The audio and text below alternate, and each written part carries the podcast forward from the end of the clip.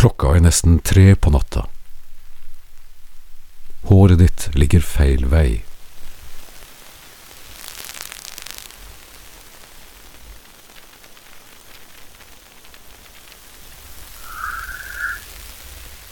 Det er en knekk i hoftekammen din, selv om du ligger. Du er sandblåst og øredøvende, du er selv antennende og fosskokende.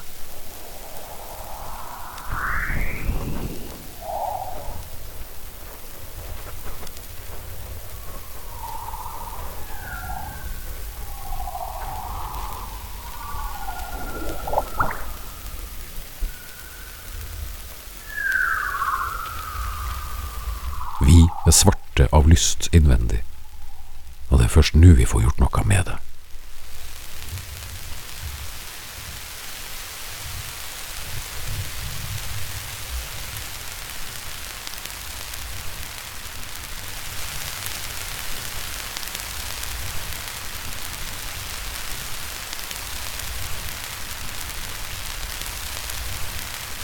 Linjen inn i bane med deg er lagt som en stiplete linje på papir. Vi vet hvor vi skal.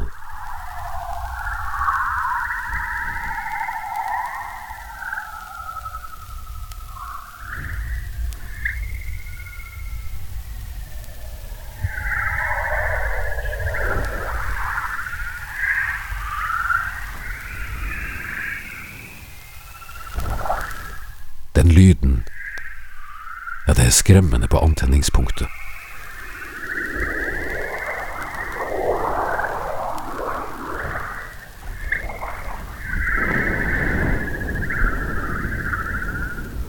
Det føles uutholdelig mens det står på, knusende rett før det kommer til sin utløsning, og det skjer så fort med deg.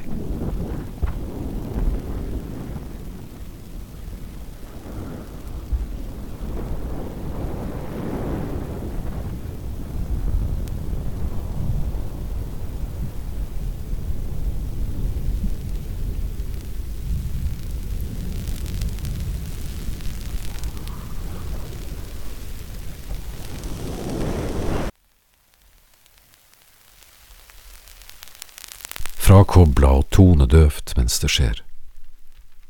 Du er på baksiden av månen uten radiokontakt, som i Apollo 13. Og det er rennende fukt og gråt i deg i sekundene etterpå, som om noe er over, som om du har vært gjennom en avskjed.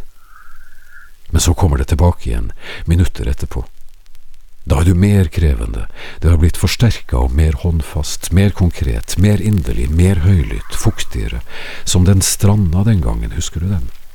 Vi lå i flomålet og hadde glemt tidevannet. Det kom over oss med strømmene fra Kattegat, og sjøen må ha holdt 37 grader eller noe, for vi merka det ikke før vi var dekket av morild til hoftene begge to. Sånn er du nå tydeligere og mer velartikulert. Du må konsentrere deg, du er fokusert på dette ene punktet på grensen mellom mer og stopp. Mellom drøm og virkelighet. Og det som er virkelig, er så tyntflytende at det knapt er noe å snakke om.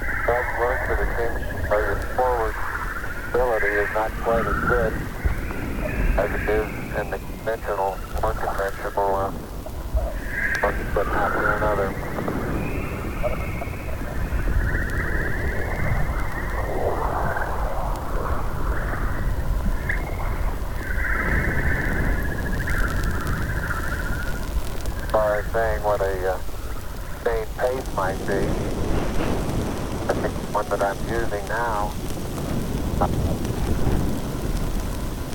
would uh, get rather tiring after several hundred. But this may be a function of the suit as well as uh, lack of gravity forces.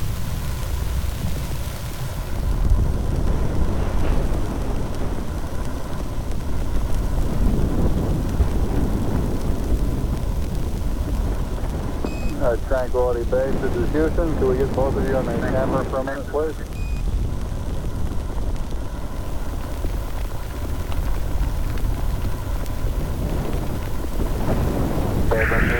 All right, you're about to get both of you on the field of view of the camera for a minute.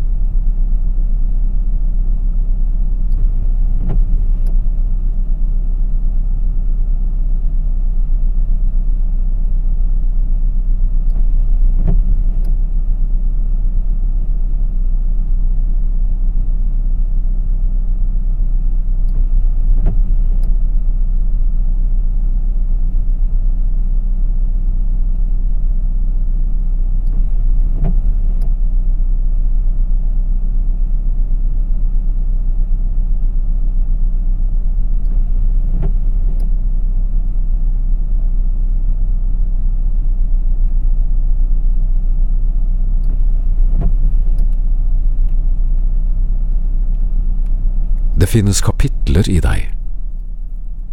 Kapitlene blir kortere og kortere, blir til skilletegn og aksenter rett før du kommer. Manglende komma og feilsatte punktum, imperativer og presens, du snubler i leddsetninger, og mot slutten snakker du bare med infinitivsmerket. Det ligger ytterst i munnvikene, du mister ordforrådet, og nå er du Apollo 13 igjen, på vei ned nå, brennende på vei ned gjennom jordens atmosfære, dundrende gjennom skydekket.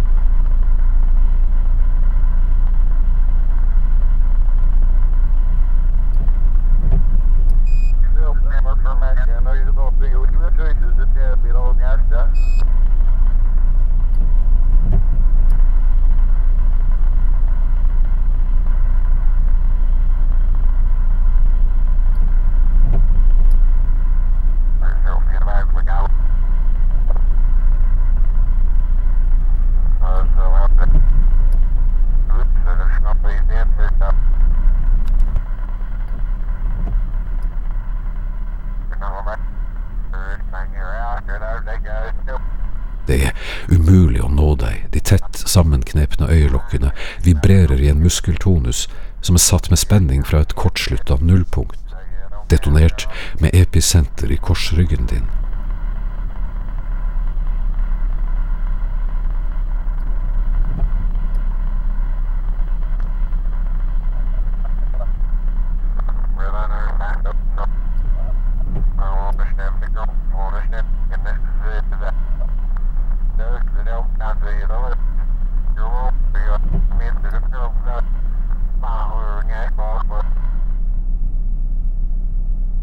der signalene går på bredbånd mot lystsenteret ditt i hjernen. Jeg har lest bøker om slikt, jeg har sett forskningsplansjer og lasta ned PDF-filer, jeg vet hva som foregår. Ansiktsuttrykket ditt er beskrevet av Jones i 1991 og Kommissarok i 2006, der de forteller om anterior singulat cortex bak i hjernen. Det er nemlig der både smertegrimaser og nytelsesuttrykk blir til. Hvis jeg for eksempel klyper meg sjøl i armen for å være sikker på at jeg ikke drømmer når jeg ser deg, eller enda bedre, når du setter tennene i skuldra mi og lager blåmerke, så dirigeres nevroner oppover i løpet av nanosekunder, tolkes som smerte og sendes tilbake til ansiktsmusklene som åpner kjeven, trekker musklene rundt øynene sammen og sender luft og lyd ut av den åpne munnen. Og det samme skjer med deg når du kommer. Akkurat det samme ansiktsuttrykket men du føler noe annet. Kommissarok mener at det skjer en tolkning av opplevelsen i anterior singulat cortex. Det er de samme signalstoffene. De blir dirigert på rett plass, men fasadeuttrykket er det samme. Så hvis du er Apollo 13, så er anterior singulat cortex ditt Houston som har regna ut alt på forhånd.